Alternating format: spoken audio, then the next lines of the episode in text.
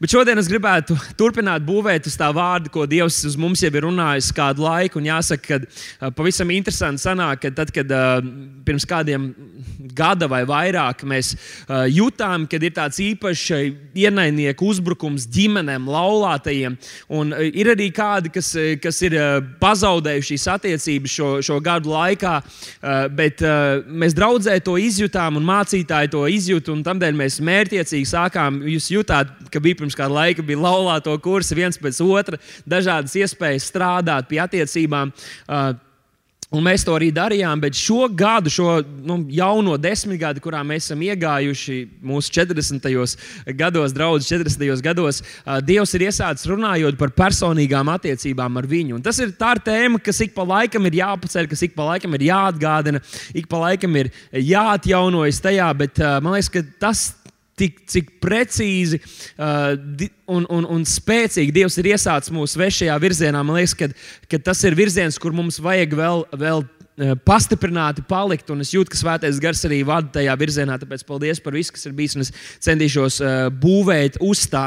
Dievs mūs ir aicinājis attiecībām ar viņu. Uh, kad Dievs radīja visu šo pasauli, Viņš radīja arī šo skaisto ēdienas dārzu, kas nebija kas nepārņēma visu pasauli, bet kas bija noteiktās robežās. Un Dieva plāns, protams, bija, ka tas dārs būtu, kas, dārs būtu tas, kuru Ādams un Ieva varētu paplašināt, un šī debesu valstība, valstība un viņa pilnīgais nodoms izplasto šeit virs zemes.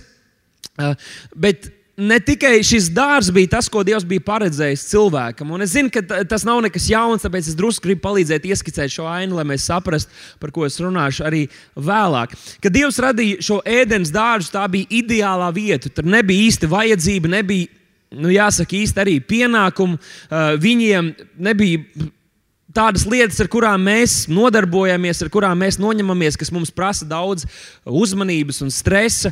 Uh, ikdienā Ādamam un Ievai nekas tāds nebija. Tā bija ideālā vieta, kur mājot. Ja jūs kādreiz esat bijuši kādā kurortā, all-inclusive kurortā, tad jūs zinat aptuveni, kā viņi jutās. Vienīgi jums bija par to sālīt jāsamaksā. Viņiem Dievs, kā saka, uzdāvināja to bez maksas, un viņi tur varēja pavadīt mūžību. Uh, tāds bija iespējams, ka tas nodoms. Un tā viņi tur atradās. Viņi varēja staigāt visapkārt, baudīt visu, kas tajā dārzā bija pieejams. Bībelē mums liek saprast, ka tur bija daudz un dažādi koki un krūmi un viss kaut kas ēdams un baudāms un redzams. Droši vien, ka bija kāds izklaides, pieņem, ka viņš varēja uzsēsties uz, uz kāda buļļa un, un uh, ar rodeiro nodarboties vai, vai kādas tam līdzīgas lietas. Dievs bija par visu paga, uh, padomājis un visas viņu vajadzības un vēlmes un dvēseles uh, vēlmes noteikti bija apmierināts. Bet bija kaut kas, kas vēl vairāk šajā dārzā bija pieejams. Un to droši vien, ka man to runājot ar jums, kas jūs esat tik dedzīgi draugi, tas nebūs noslēpums, ka pats pats vērtīgākais, kas viņiem katru dienu bija, un Bībele mums liek saprast um, caur tiem vārdiem, ko tā lieto, ka tas bija Dievam paradums ikdienas nākt un pavadīt laiku kopā ar viņiem.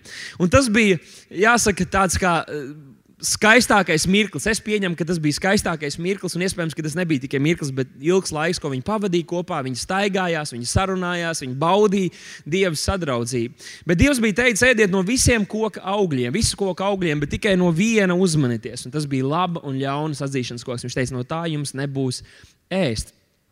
Un cilvēki dzīvo, viņi bauda, Viņi redz visu to, ko Dievs ir dāvājis, viņi bauda sadraudzību ar Dievu. Un, protams, ka viņi uztver to kā pašsaprotamu, jo viņi nezina citu realitāti. Viņi nezina, ka kaut kas cits, ka kaut kas sliktāks, ka kaut kas mazāks ir iespējams. Viņi uzskata, ka tā ir normāla dzīves ikdiena. Viņi bauda sadraudzību ar Dievu. Bet tad uzrādās viņa dzīvē ienaidnieks, šis čūska, kā Bībelē mums viņa apraksta kā čūsku.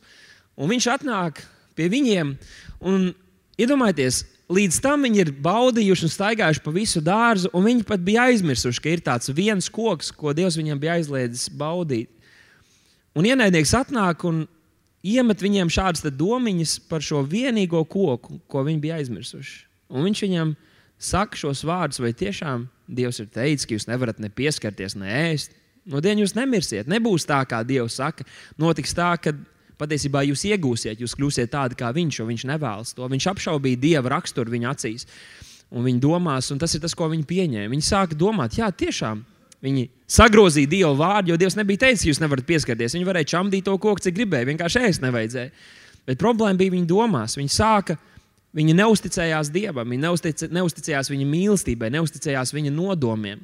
Un kas notika? Viņi darīja to vienīgo lietu, kas viņiem bija aizliegta. Viņi ēd no šī koka. Un tagad es gribētu, lai mēs ielicam šajā stāstā, ka mēs ielicam šajā stāstā, pirmajā mūzes grāmatā, trešajā nodaļā, astotajā pantā. Pirmā mūzes, trešā nodaļa, astotais pants, un šo, eh, šo nodaļu jūs varat atvērt, eh, atstāt atvērtu savā bībelītēs, jo mēs apskatīsim vairākus pantus šodien. Tā ir centrālā raksturvieta. Pirmā mūzes 3.8. Un tur rakstīts, tātad, tad, kad viņi to bija darījuši, tad viņi sadzirdēja dieva tā kunga balsi, kas dārzā staigāja dienas vēsumā. Kāds cits tulkojums drīzāk saka, ka tas nebija vēsa diena, bet drīzāk kā dvēsma, ka tur bija tāda kā dvēsma, ka, līdzīgi kā kad Jēzus runāja par, par kad dvēseli saviem mācekļiem saņemiet svēto garu, tad līdzīgs tas vārds varētu tikt lietots tur. Tad viņi sajūt tādu kā dvēsmu tur. Un tad cilvēks un viņa sieva paslēpās starp dārza kokiem, dieva tā kunga priekšā. Viņi ir izdarījuši to vienīgo lietu, ko Dievs teica, lai viņi nedara. Viņu sirdīs jau ir šaubas, ir neusticība Dievam un viņa nodomiem priekš viņiem. Un tad, kad viņi izdzird Dieva balsi, viņi nevis kā ierasts atsaucās vai skrien pie viņa, bet viņi paslēpjas. Un interesanti, ka tur ir rakstīts, paslēpās starp dārza kokiem bet tā kunga priekšā. Tas, liek, tas mums norāda to, kas Bībelē daudzkārt ir rakstīts un teikts, ka Dievs jau visu redz, Dievs visur ir klātesošs. Tu vari nolīst, kur tu vēlies, augstākajās debesīs, uzkāpt dziļāk, kaut kur jūras dziļumos, nolaisties. No Dieva tik un tā neaizbēgs. Un īsti nevar paslēpties. Bet viņi to izdarīja. Un tas, ko es gribētu šodien uzdot jautājumu mums, draugs, uzdot to sev, uzdot to visiem mums, ir Kas ir tas, aiz kā tu slēpies? Kas ir tas, aiz kā tu slēpies?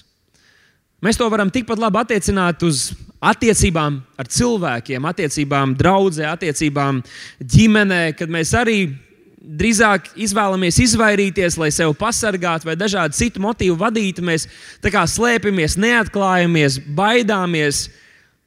Bet attiecībā uz Dievu šodien es gribētu, lai mēs pat padomātu vairāk par to, Vai varētu būt tā, ka mēs esam draudzē, ka mēs esam kristieši, bet savā ikdienā mēs slēpjamies, mēs esam paslēpušies no viņa?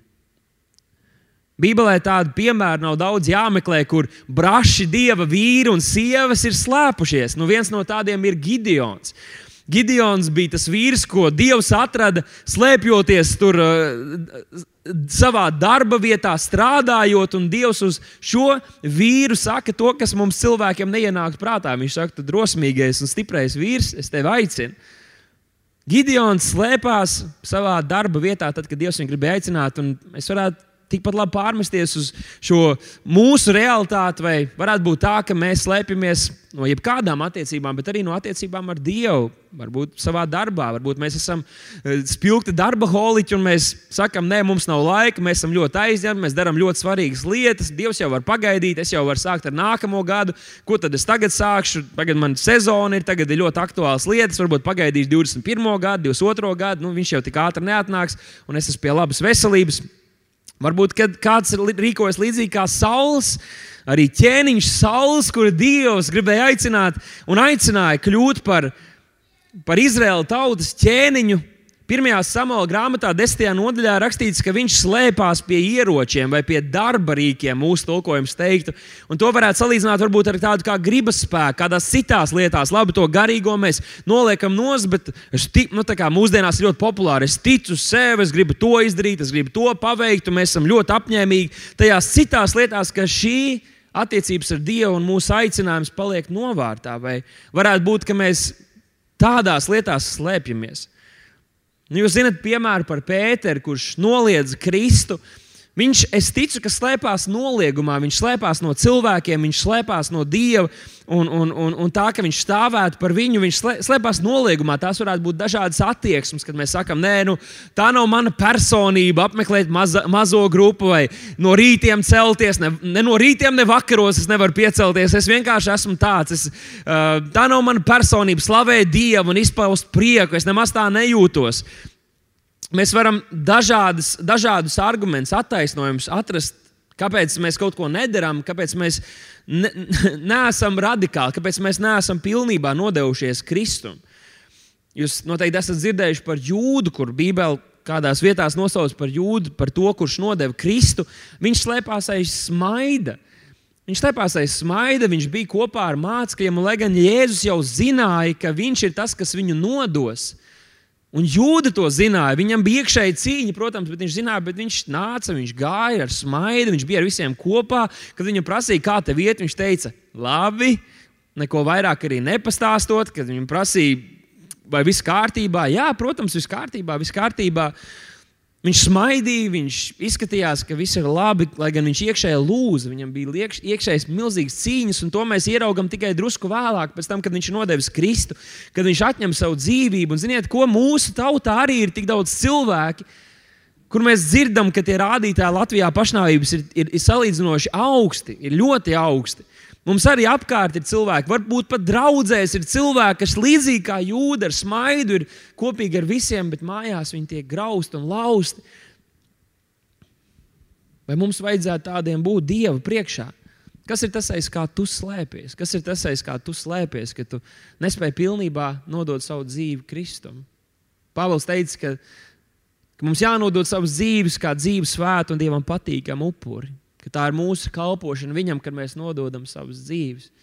Bet, ja mēs pataupām, ja mēs paturam drusciņu, ja mēs, pat, ja mēs iedodam tikai drusciņu dievam, ja mēs saprotam desmito pārējo, mēs paturam sev, ja mēs līdzīgi, iedomājieties, ja mēs līdzīgi kā ar mūsu finansēm rīkojamies ar savām dzīvēm, ja mēs atdodam dievam tikai desmito daļu no savas dzīves un pārējo mēs paši valdam, paši gribam noteikt visu, tad kas mēs patiesībā esam? Vai mēs esam Kristus mācekļi, vai mēs esam Kristus sekotāji? Turpat drusku uz priekšu, 9. pantā, mēs redzam, kas tad notiek. Viņi ir paslēpušies, tad, kad viņi dzirdēja Dieva balsi, un te rakstīts, un Dievs, tas kungs, sauca cilvēku, sacīdams, un lasīsim kopā, kur tu esi.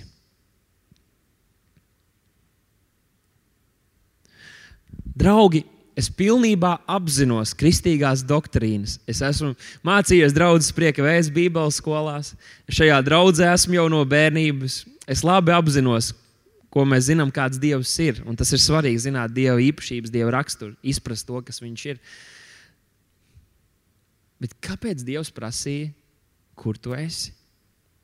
Viņš taču ir visur esošs, visu zinošs, visu varošs, vispēcīgs Dievs bet viņš nāk pie šiem pīšļu gabaliem, kur ir grēkojuši, kur izdarījuši vienīgo lietu, ko viņš teica, lai viņi nedara. Un viņš nāk nevis lai sodītu, nevis lai pārmācītu, bet viņš nāk it kā nekas nebūtu noticis. Viņš nāk joprojām meklējot viņu sadraudzību un vēloties mīlēt viņus tā, kā viņš patiesi tikai viņš var mīlēt. Viņš prasa, kur tu esi? Vai tas bija retorisks jautājums? Ir kādi, kas tā uzskata, un iespējams kādas reizes sludinot, uzsverot kādas citas lietas, to arī tā varētu skaidrot. Bet šodien es gribētu jums piedāvāt kādu citu ieskatu tajā, kā šos vārdus var izskaidrot. Un tas ir, es ticu, ka Dievs ir visspēcīgs un visspējīgs. Viņš spēj visu. Un, lai gan viņam ir spēja zināt visu, Es ticu, ka viņš ir arī spējīgs ierobežot šo savu priekšzināšanu attiecībā uz mums. Iespējams, ka tas ir viens no iemesliem, kad mēs lasām par Ābrahāmu, par Ābrāmu un Dievu, kad Dievs runā uz viņu un saka, upurē man savu dēlu. Vai tad Dievs nezināja Ābrāma sirdi? Jo Dievs taču neskatās tikai āršķirīgi, Viņš neskatās tikai to, ko mēs sakām ar saviem vārdiem, it kā tas nebūtu svarīgi. Un tajā pašā laikā mēs saprotam, ka Dievs taču pazina Ābrāmu sirdi, un tomēr viņš gribēja pārbaudīt. Abrahām. Viņš gribēja pārbaudīt, kā viņš rīkosies. Ir daudz citu tādu piemēru. Viens no tādiem arī ir saistībā ar Ābrahāmu, kur Dievs runā uz Ābrahāmu pirmajā mūža grāmatā, 18. nodaļā, saistībā ar Sodomu un Gomoru. Un ieklausieties, ko Dievs saka. Viņš saka, es iešu un lūkošu, vai viņi ir darījuši pēc tās brēkšanas, kas aizsniegusi mani, vai ne? To es gribu uzzināt. Ļoti interesanti. Viņš saka, es esmu dzirdējis par to, ko viņi dara. Ir taisnie, kas ir brēkuši debesīm, ir bērni, kas ir cietuši caur to, ir cilvēki, kas ir cietuši šīs bezdievības dēļ. Viņš saka, es gribu iet un skatīties, vai tiešām viņi šī, šādas lietas ir darījuši. Ko tas varētu nozīmēt?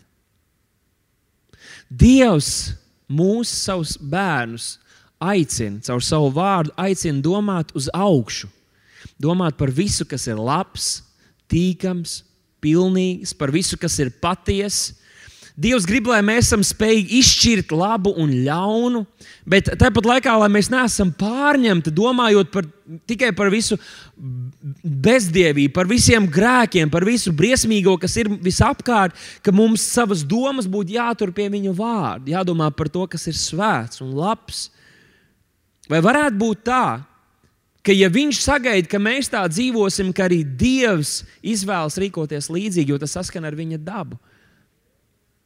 ka viņš izvēlas nevis būt katrā tajā vietā, lai gan viņš ir klātesošs katram, kas cieš. Tomēr viņš izvēlas nebūt un neskatīties, un neredzēt un nedomāt par visām tām bezdīvīgām lietām, kuras viņam ir pilnībā nepieņemamas. Nedo, nebūt katrā, te, katrā ļauna, bezdīvīga cilvēka domās, ka tiek darītas briesmu lietas, ka viņš izvēlas domāt par to, kas ir labs, ka viņš izvēlas tajā visā neņemt dalību. Jo norēķinu mēs tik un tā viņam dosim. Nekas jau nepaiet viņam garām. Es jums iedošu kādu raksturvietu, kas varētu palīdzēt mums saprast, ka iespējams, un es saku, iespējams, tā nav pilnīga doktrīna, bet vienkārši iespējams, ka kaut, kaut ko tādu Dievs dara, jo mēs arī Dievu varam izprast tikai tik, cik mēs to spējam. Jeremijas grāmatas 19. nodaļā, 5. pantā, Tur Dievs saka šādus vārdus, un mēs varam izlasīt kopā, bet paklausieties, ko mēs tulīt lasīsim. Viņš saka, jo tie tāda šī tauta, tie bālam, kas ir alku dievs, cēluši altārus un tam nesuši savus bērnus kā dedzināmo upuri, ko es nekad neesmu pavēlējis. Un šeit ir daudz, kas saka, jā, bet vecajā darbā cilvēks ziedoja, upurēja savus bērnus. Un Dievs saka, es nekad to neesmu viņam lūdzis, to viņi paši darīja. Tas man nebija pieņemams, tas man bija pretīgi. Es nekad neesmu pavēlējis, klausieties, ko viņš saka. Un kas man nekad nav nācis prātā? Wow! Un šādas raksturvietas pat Jeremijas grāmatā var trīs atrast, un vēl citvietā Bībelē. Nekad pat nav nācis prātā Viņš rada cilvēku pēc sava tēla līdzības un paredz, ka tas dzīvo saskaņā ar viņu vārdu.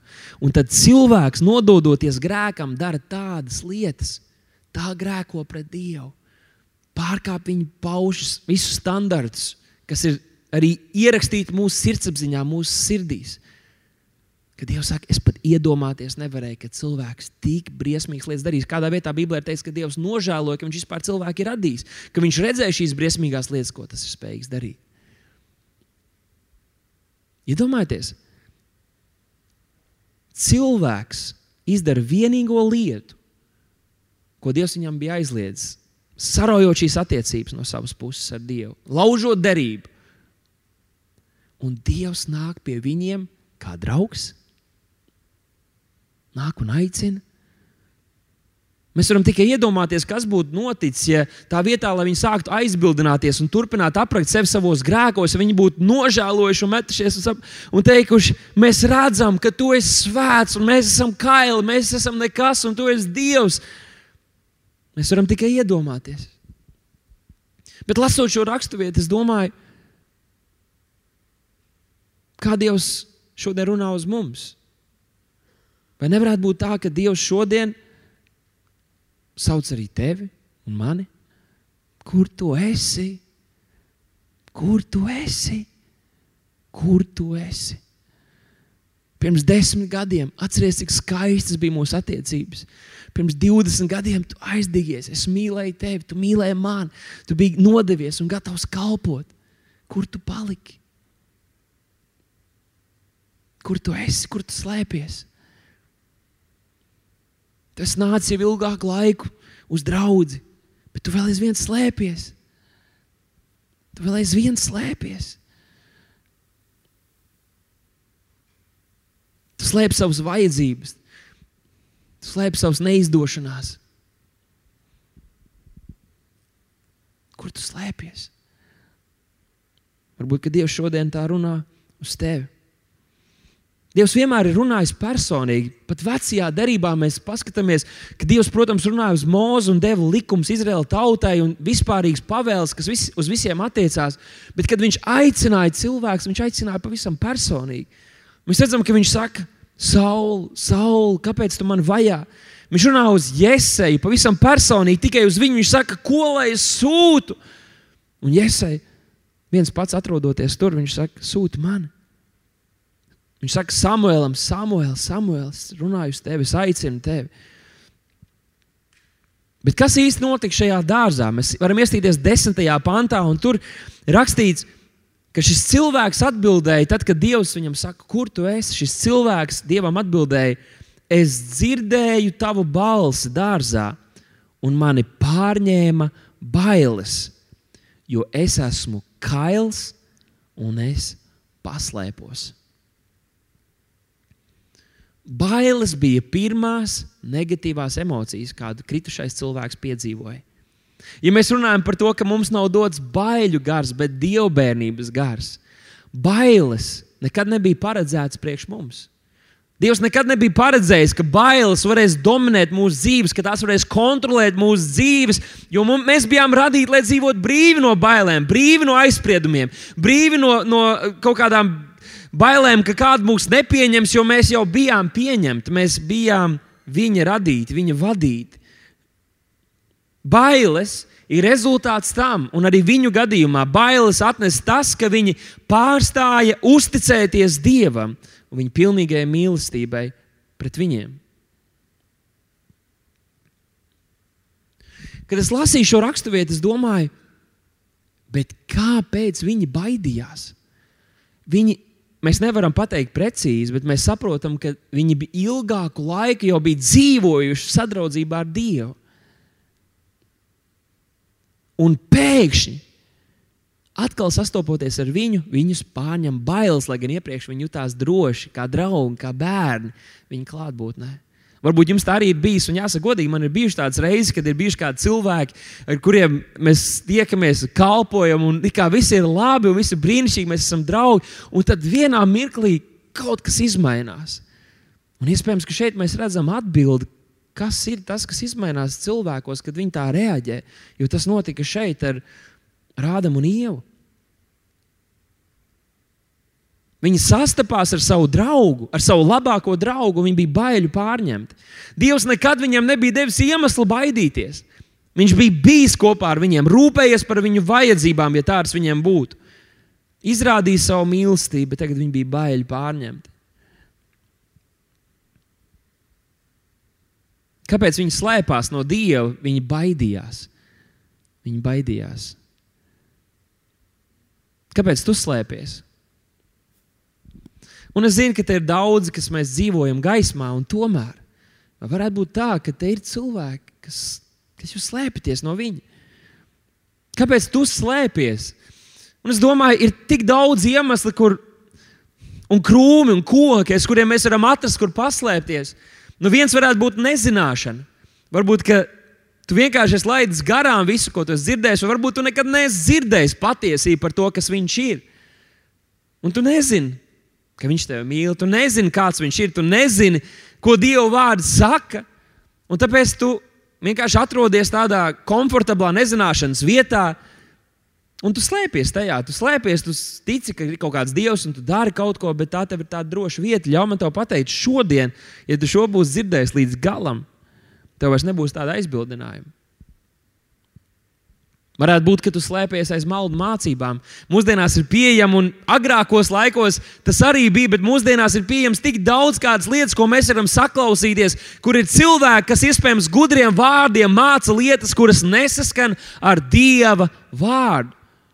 Ir kādi, kas var mums samācīt, ka Mums ir jānopelna Dieva mīlestība, ka līdz tam brīdim, kad tu būsi pietiekami daudz ziedojis, pietiekami daudz apmeklējis, pietiekami daudz lūdzis, tik daudz reizes izlasījis Bībeli, šķērsām greizām, ka Dieva mīlestība nevar būt pret tevi. Dievs vienmēr ir dusmīgs uz tevi, Dievs vienmēr grib tevi sodīt, un tev ir jānopelna viņa mīlestība. Ja tādas domas tev ir par Dievu, tad, protams, ka tu slēpsies no viņa savos grēkos, protams, ka tu gribēsi aizbēgt, protams, ka tu negribēsi viņam tuvoties.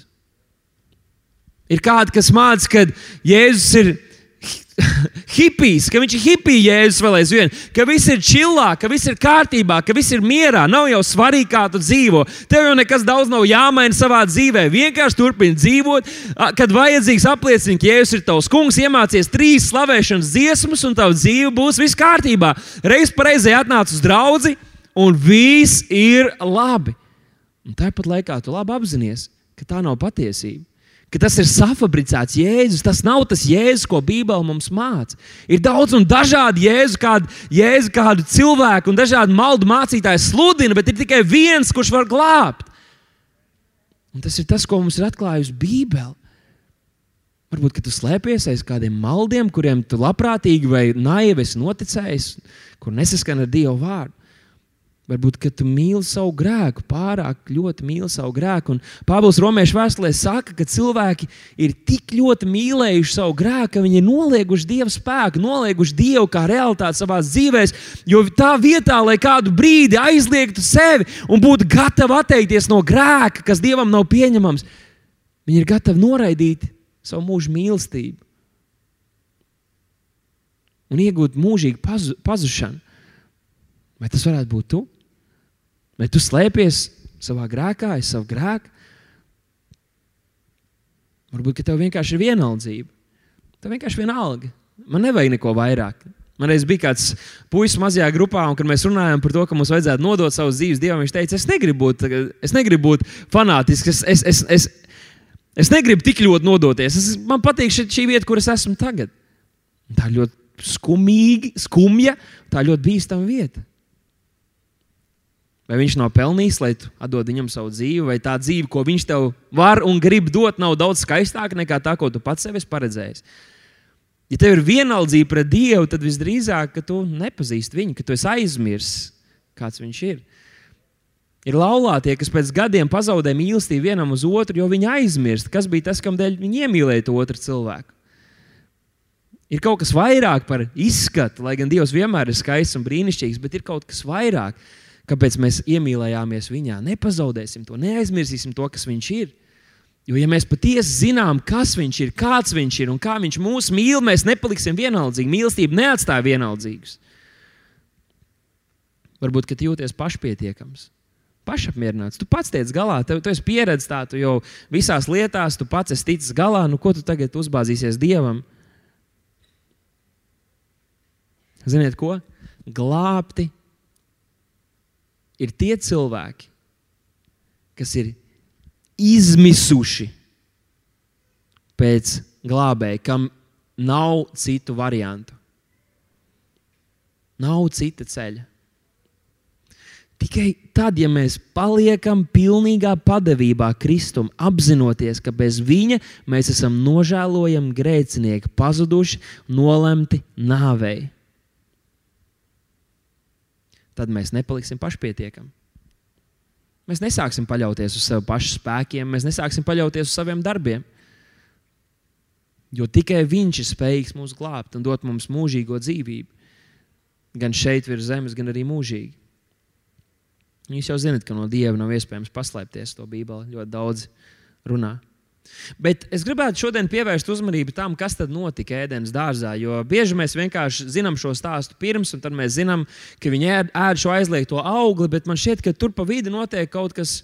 Jeb uzreiz pēc šī notikuma notiek kaut kas zīmīgs, uz ko es šodien gribētu uzlikt akcentu. Un tas ir redzams 7. pantā, drusciņā uz atpakaļ. 7. pantā mēs izlasām, ka tad, kad viņi šo aizliegto augli bija nebaudījuši, Tad ir rakstīts, tad viņu abu acis tapa atvērtas, un viņi atzina, ka viņi bija kaili. un viņi savija vīģes lapas un taisīja sev gurnu apsējus. Kad viņi ēda no šā, šī aizliegtā augļa, viņu acis tika atvērtas, un pēkšņi viņi redzēja kaut ko atšķirīgu.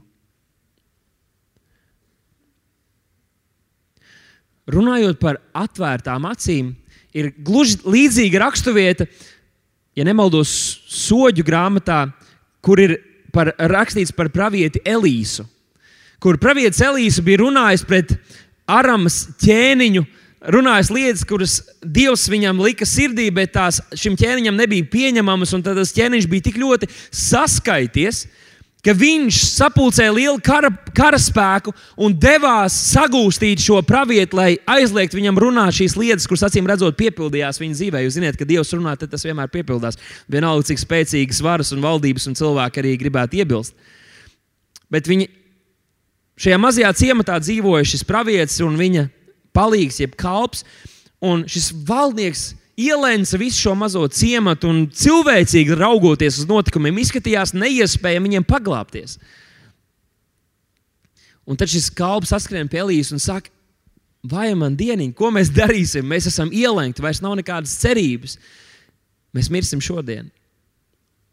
Uz ko Elīza pilnīgi miera pārņemts. Un, ja mēs runājam par to, ka kādreiz, kad ir saspringti notikumi, kad ir lietas apkārt, kas, kas mūs apdraud, vai slimības, vai kaut kādas citas lietas eh, sabiedrībā, kas notiek, kaut kāda ierobežojuma, aizlieguma tiek uzlikta, un mums var būt tāda pirmā reakcija, ups, nu gan būs. Elīze nebija bail pārņemts, un viņš teica, mums viss būs kārtībā. Un tad viņš iziet ārā, viņš skatās visiem tiem karaspēkiem, ko viņi redz attālumā, daudz zirgi, rati, Un viņš saka, Dievs atver kalpa acis, lai viņš redz. Un pēc mirkļa šis satraukušais kalps sāk smaidīt, jo viņš ieraudzīja kaut ko papildus. Viņš vēl aizvien redzēja to karaspēku, kas bija apkārt. Nebija tā, ka viņš kļuva akls tajā ziņā. Viņš ieraudzīja garīgo pasauli, kur visapkārt bija dieva eņģeļa karaspēks, kas bija gatavi iejaukties kurā katrā mirklī, lai viņus paglābtu. Atvērtas acis. Uzdrīkstos apgalvot, ka ēdienas dārzā, lai gan mums rakstīts, ka viņa acis atvērās, viņu acis visu laiku bija bijušas vaļā. Vienkārši viņu fiziskās acis nebija tās, kuras bija dominējušas. Viņi bija spējuši redzēt garīgi, viņu garīgā redzes bija bijusi atvērta. Un tādēļ, lai gan dzīvojot uz fiziskās zemes, viņi tepat laikā bija pilnībā saistīti ar garīgo realitāti un redzēja eņģeļus, redzēja visu šo garīgo pasauli, redzēja arī Dievu kaut kādā mērā. Mēs saprotam, ka fiziski viņš bija redzams. Bet brīdī, kad viņi ēd šo augli, viņi pēkšņi daļa viņu redzes tika pazaudēta, jo fiziskā redzes sāka dominēt. Viņa acis tika atvērtas. Un pēkšņi viņi ieraudzīja, lai gan interesanti rakstīts, trešajā nodaļā mēs lasījām, ka viņi ieraudzīja, ka viņi ir kaili un viņi gribēja paslēpties, jo viņi sakaunējās, viņi gribēja uzvilkt kaut ko. Tad iepriekšējā nodaļā, otrā nodaļa beigā, beidzās ar vārdiem, kur rakstīts, ka viņi bija kaili un viņi nekaunējās. Viņiem viss bija kārtībā, tad, tad nekas viņu, viņu dzīvē it kā nemainījās. Viņi pirms tam bija kaili, vēl aizvien bija kaili. Bet kaut kas bija izmainījies. Viņi ieraudzīja sevi pavisam vājus, cilvēcīgus, parastus cilvēkus. Viņi bija redzējuši, kāds ir Dievs. Un pēkšņi viņi saprata, kāda ir atšķirība. Pēkšņi viņa acis atvērās, atvērās, viņa saprata labu un ļaunu. Viņa saprata, ka visa radība, ka viņa ir tikai viena no radības, ka viņa ir tikai viena no tādiem, ko Dievs ir radījis pavisam maz niecīgi. Viņi ir grēkojuši pret Dievu, viņi ir zinājuši, viņi bija redzējuši, kāds ir Dievs, un ne tikai tas. Interesanti, ka ir rakstīts, ka viņi dzirdēja Dieva balsi. Es ticu, ka iepriekš viņi bija redzējuši, ar, redzējuši viņu. Kaut kādā mērā viņi bija skatījuši viņu vaigu, staigājuši ikdienas ar viņu kopā.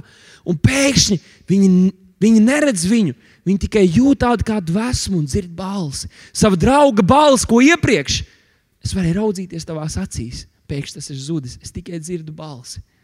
Viņi pārbijās. Jo viņa garīgā redzes bija aizvērta.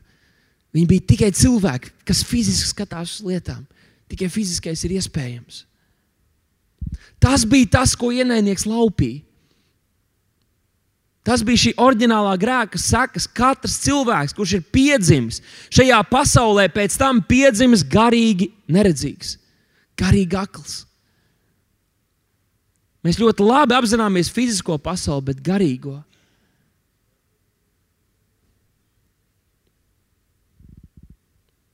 Vai varētu būt tā, ka tu esi kristietis, ka tu nodevi savu dzīvi Kristum, un tajā pat laikā tu dzīvo pilnībā pārņemts tikai ar fizisko, un nemaz nelietojot ticību, nemaz nelietojot šo garīgo redzi, garīgo spēju izprast lietas pēc dieva prāta nodoma. Vai tā varētu būt ar manu dzīvi, vai tā varētu būt ar tevi? Pavisam noteikti. Efeziešu vēstules 1. nodaļā, 16. pantā, Efeziešiem 1,16.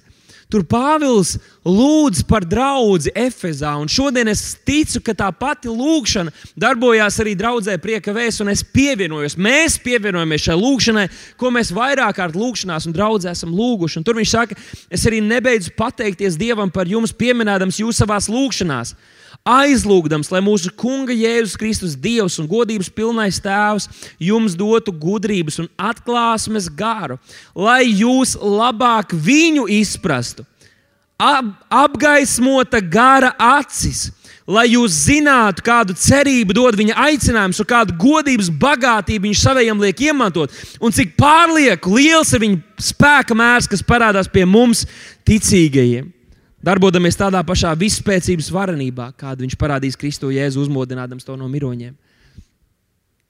Pāvils apzinās, ka mēs ar savām, ar savām acīm nevaram redzēt to, ko Ādams un Ieva varēja redzēt. Jēzus teica, Tomam, labi, tu vari aptaustīt Tomas, bet svētīgāk ir ticēt, ja tu neesi redzējis. Un mēs dzīvojam ticībā, nevis skatīšanā. Tā kā fiziski ir kādreiz reizes, kad Dievs pārdabiski dod kādam iespēju ieskatīties garīgajā pasaulē. Ir mūsu vidū kādi, kas ir redzējuši eņģeļus, kas ir redzējuši nu, garīgās pasaules realitātes. Tas ir brīnišķīgi, un tāpat laikā mums nav pēc tā jātiecās. Nekur nav rakstīts, ka Elīze būtu redzējusi tos kar, dievu karapulkus visapkārt viņiem. Viņš vienkārši uzticējās Dieva vārdam, viņš zināja, ko Dieva vārds saka. Un viņš rīkojās saskaņā ar to. Tam kalpam vajadzēja to redzēt. Viņam to nevajadzēja, jo viņam bija Dieva vārds, viņa sirdī, un arī tev ir.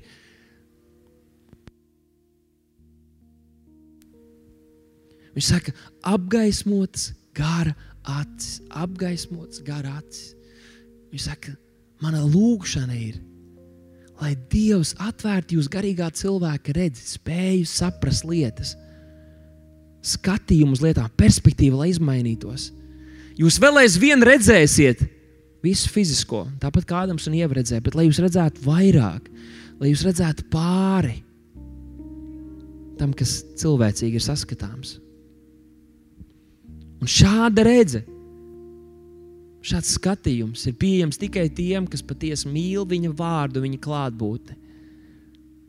Tā nav superspēja, ko tu vari iegūt atšķirta no viņa. Apgaismotas gara acis. Paskatieties, kāda tā lūkšana ir.